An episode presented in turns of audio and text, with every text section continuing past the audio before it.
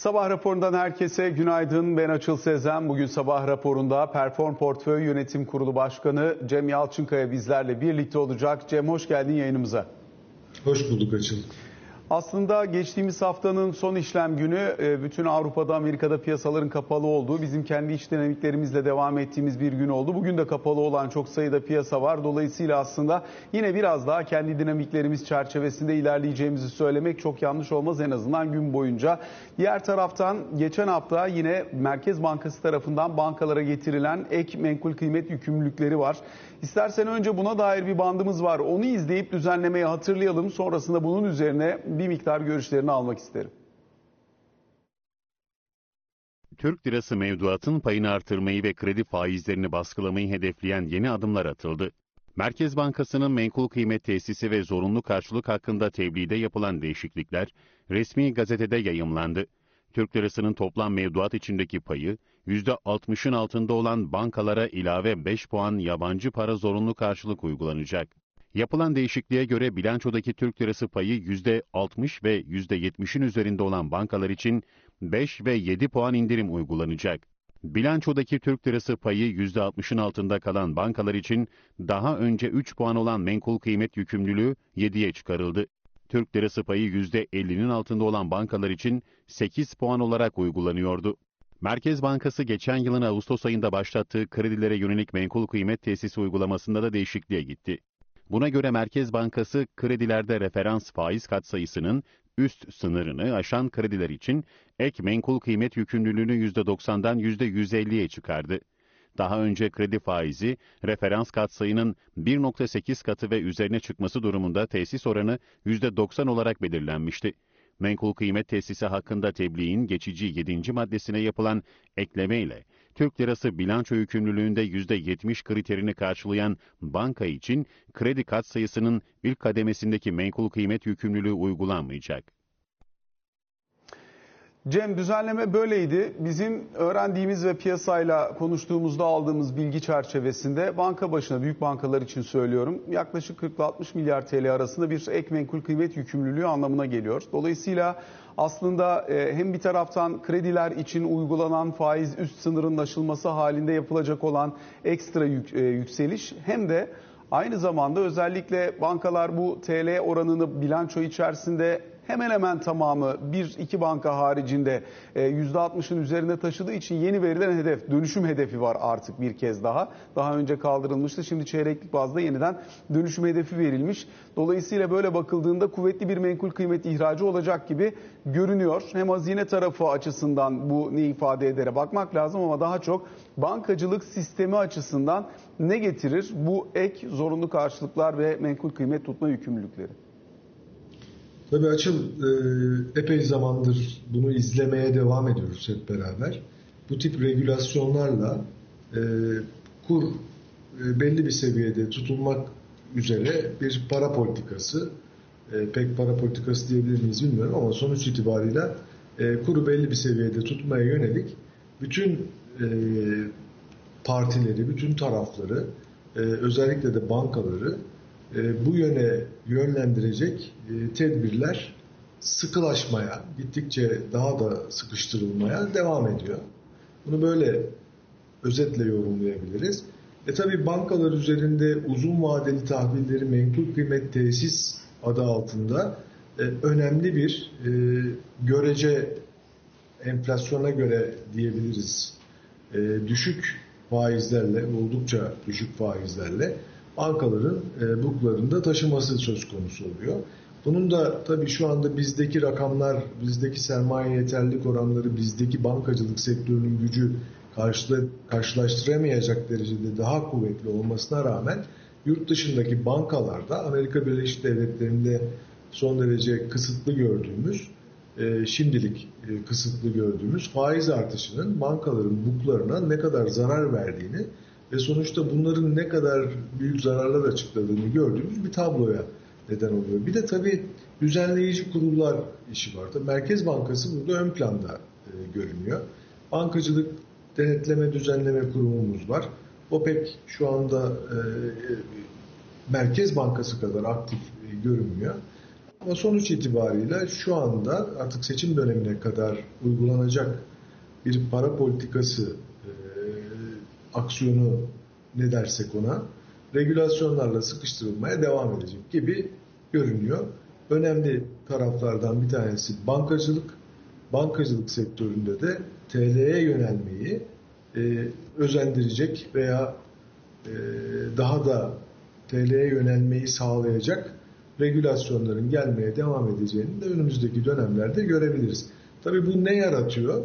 Bu tabii işte bu şu anda 88 milyar dolar 90 milyar dolar bandına yaklaşmış olan bir kur korumalı mevduat e, rakamı yaratıyor. Çünkü genellikle Türk lirasına dönülerek tabii şimdi faizler de serbest bırakıldı e, bankacılık tarafından. Dolayısıyla e, genellikle Türk lirasına dönecek yapılarında kur korumalı mevduata park ettiğini gözlemliyoruz. Veya bankaların aslında o şu anda çok piyasada konuşulan, e, görülen, uygulandığı görülen e, dövize yüksek e, faiz, döviz cinsi faiz verilmesini de sağlayacak ama Türk lirasına döndürüp bunu yaptırtacak bazı structure yapılandırmalara e, neden oluyor. Yani aslında bankacılık sektörü evet TL'ye dönüşü hızlandırıyor fakat bunun altında bazı structure'la, yapılandırmalarla aslında döviz bazında bu parayı Türk lirasında tutmasına rağmen döviz bazında koruyacak e, yapılara yöneldiğini mevduat sahibinin mudilerin görüyoruz. Peki şimdi biraz önce kur korumalı mevduattan bahsettim. Mayıs ayı kur korumalı mevduatta dönüşün oldukça yüklü olduğu bir ay. Dolayısıyla hani e, oldukça yüksek miktarda dönüş olacağı için bu ortamda e, şu ana kadar bizim bankalardan edindiğimiz bilgi kabaca %40'lık bir oranı e, kur korumalı mevduat dönüşünün kaynağını alıp çıkmayı tercih ediyor. Şimdi seçimde geliyor. Dolayısıyla hani buralarda nasıl bir e, yatırımcı davranışı oluşacağını öngörmek çok kolay olmayabilir. Fakat önceki eğilim devam edecek olursa piyasada bunu karşılayacak bir döviz ihtiyacı olacak. Bu ortamda Merkez Bankası'nın bankalara bu döviz ihtiyacını sağlama konusundaki yaklaşımını, bakış açısını nasıl bulursun? Çünkü biraz çekimser davrandığını duyuyoruz Merkez Bankası'nın piyasaya döviz likiditesini bankalar eliyle vermekte. Yani çok tabii nasıl sağlanacağı konusunu mutlaka düşünüyordur. Ee, bürokratlar, yöneticiler, ekonomi yöneticileri. Fakat tabii böyle yüzde 40 falan yani şu andaki e, kur korumalı mevduatın yüzde 40'ı veya daha düşük oran bile olsa dövize yönelmesi durumunda tabii bu önemli bir stres yaratır. Bunu önleyebilmek için de tabii TL faizini e, yukarı yönlü serbest bırakmak aslında e, dövizin de bir miktar kademeli de olsa yukarı gitmesini sağlamak demek. Yani şöyle şunu söylemeye çalışıyorum. Artık Türk lirasına kur korumalıda 28 TL mevduat faizi verirseniz o zaman döviz %28 yukarı 27 yukarı da gitse bankalar TL faizi ödeyerek sistemi e, döndürecekler. Dolayısıyla dövize dönmeyecekler. E, bu arada piyasada da kur bir miktar yukarı gidebilecek. Aslında bu beklentiyle böyle bir e, hareketlenme oldu. E, tabii umarım e, böyle bir dönüş, bu oranlarda bir dönüş dövize e, umarım gerçekleşmez. Çünkü böyle bir gerçekleşme karşısında döviz likiditesinin nasıl sağlanacağı konusu gerçekten bayağı soru işareti barındırıyor. E, çünkü baktığımız zaman işte hepimiz biliyoruz Merkez Bankası'nın net uluslararası rezervi swapları çıkardığınız zaman e, tam rakam vermeyeyim ama hani ciddi anlamda eksilerde görünüyor. E, döviz ihtiyacı devam ediyor. En son Mart ayında bile dış ticaret açığı bakanlığın açıkladığı öncü göstergede 8.6 milyar dolar geldi. E, 3 aylık dış ticaret açığına baktığın zaman 35 milyar dolarlara yaklaştı. E, birikimli baktığın zaman işte 117,5 milyar dolar bir yıllık dış ticaret açığı var. Yani aslında sistemin açıl senin de çok iyi bildiği gibi dövize önemli bir e, ihtiyacı var. Bir de üstüne gerçekten kur korumalı mevduat üzerinden döviz basıncı gelirse e, bu biraz sıkıntı yaratır. Nasıl karşılanacağı konusunda da e, ben bir şey bilmiyorum ama eminim e, bürokratlar, ekonomi yönetimi, para piyasası yönetimi bunu düşünmüştür. Peki Cem özellikle şunu da sormak isterim. Bu dönüşüm oranı e, önemli bir unsur. Çünkü işte birinci çeyrek bilançolarından sonra aylık olarak verilmiş bir dönüşüm hedefi söz konusu. Zaten %60 TL bilanço hedefini tutturabilmek için bankalar çok yoğun bir çabayla yatırımcıları önemli ölçüde kur korumalı mevduata yönlendirmek suretiyle burada o dönüşümü sağlamaya çalışmışlardı. Şimdi bundan sonraki süreçte bunu yakalamanın çok kolay olamayabileceğini, müşterilerin dönüşüm iştahının sonuna gelinmiş olabileceğini ifade ediyor e, buralarda konuştuğumuz bankacılar. E, bundan sonraki süreç için bu dönüşüm oranının yakalanabilmesi için siz ne görürsünüz? Bir, ikincisi sizin de kendi yatırımcılarınız yönettiğiniz fonlardaki bakış açısıyla kıyasladığında bir dövizden TL'ye dönüş iştahı adına gerekli ortamı görüyor musunuz hem de seçim döneminde? Şimdi burada tabii açıl önemli olan şey e, faiz seviyesi ve yatırımcının bu yapısal yani bu yapılara, structure'lara e, inan, inanması ve bunu devam ettirmesi. Bundan tabii şunu kastettiğimi gayet iyi biliyorsun. Kur korumalı mevduatın taban yapılandırılmış şeyin içindeki e, önemli unsur bizlerin tabii kol opsiyon diye adlandırdığı dolar TL'nin aslında e, Hazine ve Merkez Bankası tarafından dolar TL'deki artışın karşılanılacağı karşılanacağının e, ortaya çıkması. Buna da kol yani dolar TL alım hakkı diyoruz. Bunun karşılığında da bir, bu bankalar bu dönüşüm oranında zorlanıyorlar ama e, tabii karşılığında böyle bir bu kol opsiyon dediğimiz opsiyonu e, Hazine ve Merkez Bankası tarafından bedelsiz verilmesi durumu tabii bu kolaylaştırdı şeyi yani dönüşümü görece. Çünkü zaten elinde dolar TL karşılığındaki getiriyi sağlayacak ve seni günün sonunda dolara döndürecek bir tane opsiyon var. Ve bu opsiyon pahalı olmasına rağmen bedava sunuluyor. Dolayısıyla bu opsiyonun altında tabii karşılığında da eğer bu kadar artmazsa da şimdi serbest bırakılmış bir faizle dönüşüm oranını hızlandırabilme e, şansı aslında bir miktar veriyor. Yani ya 28 yıllık 30 Türk lirası faizi alacaksın ya da dolar daha fazla artarsa onu da sana bak bedava sunuyorum. Bu aslında tabii önemli bir e, yapılandırılmış üründü. Fakat tabii şimdi e, seçim dönemi de yaklaşıyor. Bu ürüne güvenin devam etmesi lazım ki bu dönüşüm oranında da aynı dönüşüm oranını korumak bile zor ama biraz daha artırılması bekleniyor ve isteniyor. Evet yani e, bunun devam etmesi lazım. İkinci bir şey de aslında faiz cazibesi. Yani sen döviz bazında e, yatırımcılarına, mudilerine, tasarruf sahiplerine diyorsun ki banka olarak ben sana dolar bazında önemli bir faiz getirisi veririm. Şimdi telaffuz etmiyorum ama piyasada herkes biliyor işte 12'ler, 10, 14'ler dönüyor. E bunu vermek için nasıl yaparım? E bir tarafta bu bahsettiğimiz kol opsiyon dediğimiz bedava kol opsiyon var. Onun üzerine bir de put dediğimiz aslında belli bir rakamın üstünde satmayı taahhüt edip bugün komisyonunu aldığın başka bir ürünle bağdaştırdığında yüksek bir döviz faizi öneriyorsun.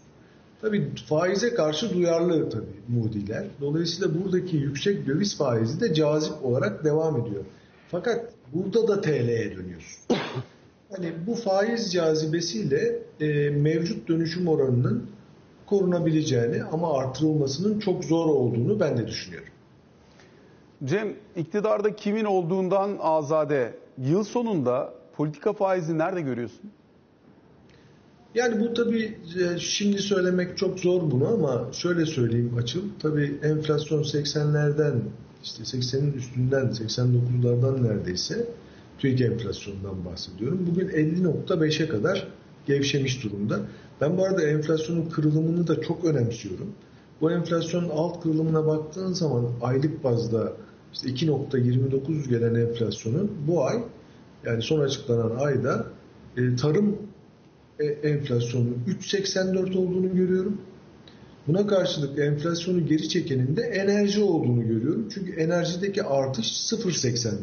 0.38 şey, düzeltiyorum. E tabi hizmet tarafı da biraz enflasyonu yukarı çekiyor. O da 3.1.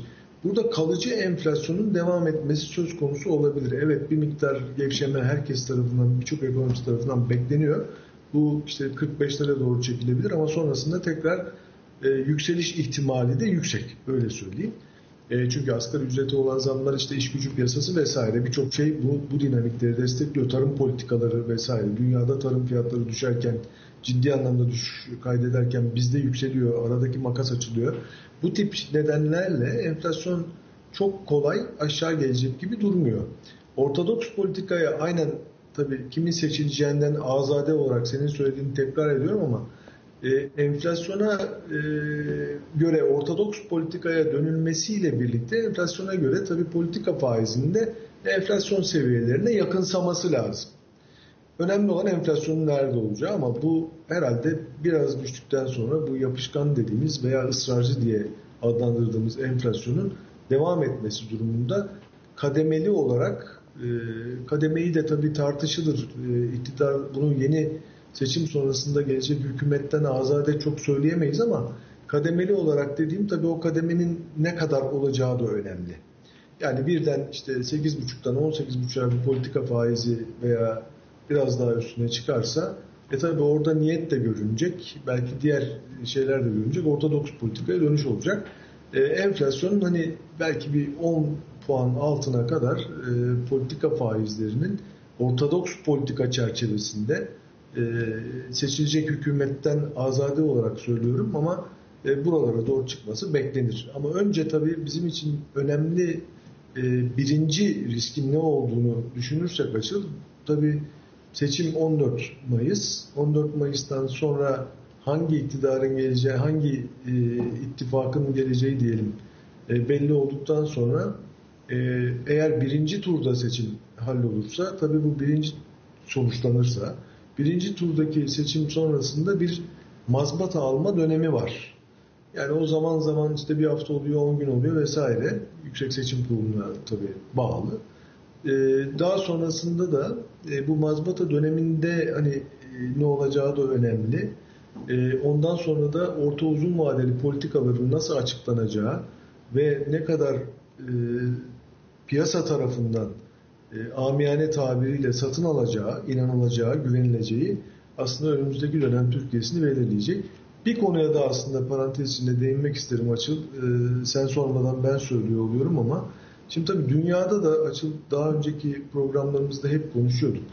İşte bu küreselleşme, halay çekme, herkesin rollerinin belli olması, herkesin buna razı olması ve hep birlikte halay çekilen bir dönemden işte e, tabii enerji sağlayıcının gıda sağlayıcıyla kavga etmesi sonrasında kırılan bir e, küreselleşme geleceği ve halay bu kırılan halay sonrasında şimdi aslında biraz kutuplaşma görünmeye başladı dünyada.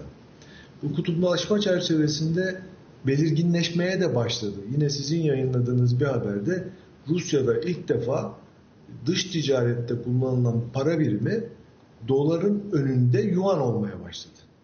Yani bu taraflarda değişiklikler var. İşte Suudi Arabistan e, petrol arzında sınırlamaya gitti OPEC'le birlikte. Suudi Arabistan Şangay Beşlisi'ne başvurdu girmek için. Şimdi bu tarafta bir kutuplaşma yani küreselleşmenin yerine kutuplaşma iki tarafta e, gözlemleniyor.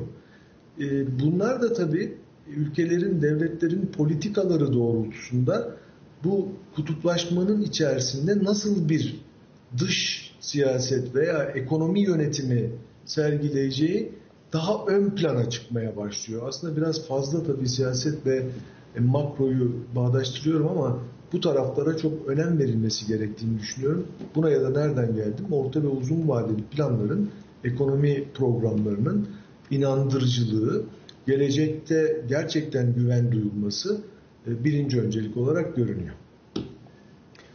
Peki Cem müsaade edersen kısa bir araya gidelim. Sonrasında gerek yabancı raporları ve kur tahminleri gerek halka arzlar aynı zamanda Viyop'la değişen teminatlandırma sistemi bunlarla ilgili olarak sorularla yeniden karşınızda olacağız.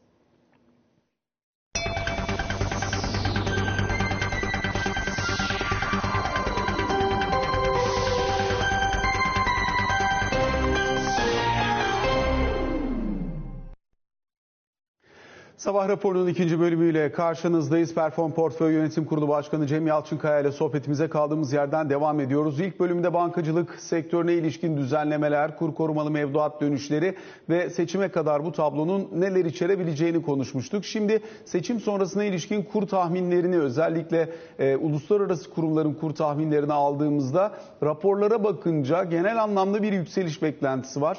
Ancak tabii ki iktidarın kim olacağına, tablonun nasıl şekilleneceğine, uygulanacak politikanın ne olacağına bağlı. Buradaki bakış açısı yatırımcı davranışını nasıl şekillendiriyor diye bir sormak isterim bu kadar rapor görünce. Tabii açıl yani aslında dövizde bir artış beklentisi genel kanı, e, genel beklenti diyelim. Yani piyasada da böyle bir beklenti hakim. Bunun altını doldurmak istersek de neden böyle bir şey var? E, işte reel efektif kur endeksinin 59.38 seviyesinde olduğunu görüyoruz. E, dış ticaret açığının yayının başında söyledim 3 ayda 35 milyar dolara ulaştığını görüyoruz. Yani bu birçok neden var aslında. Başka nedenler de var. Aslında döviz ihtiyacı var. Döviz arz eksik. Bunu da konuştuk biraz evvel. Ee, birçok nedeni bir araya topluyoruz. Yani bu neden bunları gördüğümüzde de e, reel efektif döviz kuru endeksi tabii bizim para birimimizin diğer para birimleriyle karşılaştırması olduğu için buradan iyi bir sinyal almıyoruz aslında dolar TL'nin mevcut seviyesiyle ilgili.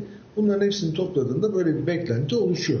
Tabii seçim sonrasında ortodoks politikalara dönme veya işte orta uzun vadeli bir ekonomik program açıklama durumu da söz konusu olunca, birleşince evet yani dövizde böyle bir e, yukarı yönlü hareket hem yabancı kurumlar hem yerli kurumlar, yerli yatırımcılar tarafından bir beklenti haline geliyor.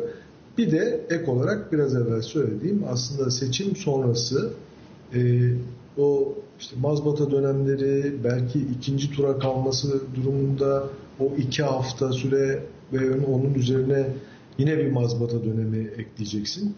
Yani bu dönemlerde neler olacağına yönelik soru işaretleri de mevcut. Dolayısıyla tabii e, dolar TL'de yukarı bir hareket, genel bir beklenti. Peki e, burada bir başka önemli konu Viyop'taki e, teminatlandırma sisteminin değişmiş olması. Özellikle hisse senedi piyasasındaki volatilitenin çok yükseldiği dönemlerde bu konu çok fazla tartışılmış. Sonuç itibariyle sabit bir teminatlandırma sistemiyle devam ediliyor olmasının getirdiği bazı etkiler ve yan etkiler tartışılmaya başlanmıştı. Viyop kurulduğundan bu yana e, uygulanan sabit e, teminatlandırmadan şimdi daha dinamik bir fiyatlandırmaya geçiş olduğunu, teminatlandırmaya geçiş olduğunu anlıyoruz. Teminatlar her saat başı hesaplanacak şekilde e, işlemlere konu edilecek. Dolayısıyla bu yapının getirebileceği olumlu olumsuz etkilerin ne olacağını yani olumsuz derken piyasada biz kimle konuşsak olumlu geri dönüş alıyoruz da e, yatırımcının buraya alışması için biraz vakit gerek, gerekebilir gibi duruyor. Ne dersin? Yani doğru. Ee, tabii olumlu olması da şöyle açıl. Ee, yani teminatlandırma dediğimiz ve aslında leverage diye ifade ettiğimiz e, kredilendirilerek yapılan işlemlerde teminatı ne kadar güçlü hale getirirsen veya ne kadar duyarlı hale getirirsen o kadar az hasar görürsün. Yani piyasalar açısından hasarı azaltmak için teminatlandırmayı e, daha dinamik hale getirmek e, ve oluşan fiyatlara göre organize etmek tabii genel olarak piyasa için iyi ve önemli. E, Viyop tarafında tabii yatırımcı tarafından düşündüğümüzde tabii yatırımcının e, nasıl bir yatırımcı olduğu önemli. Burada kurumsal mıdır, bireysel midir, uzun vadeli yatırımcı mıdır, kısa vadeli yatırımcı mıdır? Ama ne olursa olsun burada kredilendirmeyle yapılan bir işlem olduğu için duyarlılığın artması herkesin e, öncelikle piyasanın ve yatırımcıların sağlığı için oldukça önemli diye düşünüyorum. Bence de e, doğrudur. Yani bu tarafta ne kadar duyarlı hale getirsek o kadar iyi. Peki Cem yine e, bir parça halka arzları da sormak istiyorum sana. Geçen hafta Koza Polyester'in halka arzı vardı. E, eşit dağılım olduğu için buralarda kişi başına 19-20'şer lotluk e, bir pay düştüğünü anlıyoruz. Yatırımcı sayısı da 1.7 milyon buradan hisse alan, bu halka arzdan hisse alan. Dolayısıyla Hani evet sermayenin tabana yayılması, yatırımcı sayısının artması, bütün bunlar açısından baktığımızda tablo olumlu. Ee, diğer taraftansa yine özellikle gelecek olan yeni halka arzlarda söz konusu. Bunların içerisinde nispeten daha büyük olanlar da var. Nasıl görüyorsun hem yatırımcıların buraya olan ilgisini hem de orta uzun vadede bu halka arz sürecinin e, yarattığı etkinin sürdürülebilirliğini? Yani şöyle açılayım sizin bir haberinize, Bloomberg PhD'nin bir haberine dayanarak söylüyorum. E, şu anda yatırımcı profili borsa tarafında çok değişti. Hisse senedi yatırımcısının profili. 10 bin liranın altında 10 bin liraya kadar olan yatırımcı e, %50 hesap %50 haline geldi. Böyle bir durumda tabii talebin yüksek gelmesi önemli. Bireysel iç müşteriye dönmek önemli. Yani yurt dışından fazla talep geldiğini görmüyoruz. Tabii fonlara uygulanan bir e, uygulama var halka arzlarda. E, bir fonun yüzde birden fazla halka arzda alamayacağına yönelik. Bu tabii kurumsal yatırımcıdan biraz daha bire, bireysel yatırımcıya kayışı gösteriyor. Aslında bir de bir analiz var ortada. Yani gerçekten küçük yatırımcının çok arttığı, küçük yatırımcının aslında borsayı, hisse senetlerine yapmış olduğu yatırımın hisse endekslerdeki hızlı düşüşü absorbe ettiği ve dolayısıyla kitlenin de aslında hisse senedi satılacak olan kitlenin de değiştiğini gösteriyor. O yüzden bu gelen talepleri normal karşılıyorum. Tabii satış oranları oldukça düşük, e, düşük e, hisse alıyor e, yatırımcılar. Belli bir süre sonra belli bir prim yaptığında satışları gözlemliyoruz vesaire. Bu tabii dinamikler içinde gerçekleşiyor. Ama önemli olan yatırımcı kitlesi ve bu yatırımcı kitlesine yönelmek. Kurumsal yatırımcıların limitlendirilmesi konusu tabii o ayrı bir pencere. Bence kurumsal yatırımcılara da biraz daha önem vermekte, biraz daha e, yüksek e, belki oranlar vermekte fayda görürüm. Ama burada da tabii şeyin incelendiğini düşünüyorum açıldı. Yani elde tutma süresinin yani bu kurumsal yatırımcı aldıktan sonra ne kadar elde tutuyor? Ve halka arzlarda da asıl önemli olan e, hisse senedi halka arzında alınan şirket hisselerinin ne kadar süre elde tutulduğu konusu. Yani eskiden yabancı yatırımcının yoğun olduğu dönemde aslında bu elde tutma süresinin uzun olduğunu e, gözlemliyorduk. Şu anda kısalmış durumda. Ona göre işte nerede daha az elde tutuluyorsa oradan belki oransal düşüş. Ama aynı zamanda yatırımcı profiline de önem vererek bakmak ve 10 bin liranın altında da %50'ye ulaşmış olan bir yatırımcı profiline yönelik bireysel iç satışı ön plana çıkarmak diye özetleyebilirim herhalde. Peki Cem, şimdi sürenin son 2-2,5 dakikası içerisindeyiz. Çok hızlıca seçime kadar bir pozisyonlanma önereceğin zaman kendi yatırımcılarına e, neyi ön plana çıkartıyorsun? Neleri daha fazla e, değerlendirmelerini öneriyorsun? Tabii açılan hani risk tercihi falan onların içerisinde parantez içinde söylüyorum. Tabii yatırımcının risk tercihine bağlı ama genel olarak e, bir ortalama bir şey söyleyelim diye bakarsak önümüzdeki dönem bu konuştuklarımızın hepsini de aslında özetlemiş oluruz biraz belki açıl. E, önümüzdeki dönem döviz yükümlülüğü veya döviz yatırımcısı olan kitle için tabii mutlaka döviz veya dövize dayalı bir yatırım anlamlı olur. Ee, diğer taraftan baktığımız zaman Türk lirası yatırımdan ziyade biraz daha öbür tarafa kayış. Yani bu tabii kur korumalıyla da kendini koruma altına alan bir investment olabilir veya biraz evvel söylediği yatırım olabilir veya işte kol opsiyon, put opsiyon dengesini sağlayıp döviz bazında getiri sağlamak olabilir. Eurobond yatırımı olabilir kısa vadeli. Ee, Amerikan e, Amerika Birleşik Devletleri'nin çıkarmış olduğu T-bill'lar var aslında. Onların da faizleri çok fena değil kısa vadeli. Onlar olabilir. E, bu tip bir e, yatırım özellikle döviz konusunda hassas olan yatırımcılar için çok önemli. Bunun altını çizmek isterim. Biraz evvel de söyledik zaten seçim sonrasında bir e, döneme ilişkin. Hisse senedi konusunda da şöyle düşünüyorum açık. Yani hisse senedi tabii bu seçim sonrasında e, önemli bir e, güzel, orta, uzun vadeli bir programın ortaya konması durumunda her zaman önemli bir seçenek. Yani hisse senedine hiç bulaşmayalım, hiç dokunmayalım diye bir kenara koyamayız. Yani bankacılık sektörüyle ilgili belki bazı soru işaretleri söz konusu olabilir ama yani önümüzdeki dönemlerin karlılıklarına ilişkin söylüyorum bunu kötü anlamda değil, karlılıklara ilişkin. Ama baktığımız zaman hisse senedi iyi bir plan konmuş. Biraz evvel söylediğimiz yatırımcı profilinde 10 bin liranın altında %50 küçük yatırımcının oluştuğu bir profile yabancı yatırımcıyı da dahil edebileceği bir vade oluşursa, ya bir e, orta vadeli, uzun vadeli bir program oluşursa evet yani hisse senedi piyasasında hala ucuz diyebiliriz. Ama şu an itibariyle bekleme hisse senedi yatırımcısına önerim. Önce bekleyelim biraz. E, Ondan sonra gelişmelere paralelde uzun vadeli hisse senedi pozisyonunu belli bir oranda risk tercih oranında mutlaka önereceğiz. Cem çok teşekkür ediyoruz sana. Aktardığın bu yorumlar ve değerlendirmeler için sabah raporuna böylelikle bugün için son noktayı koymuş oluyoruz. Hoşçakalın.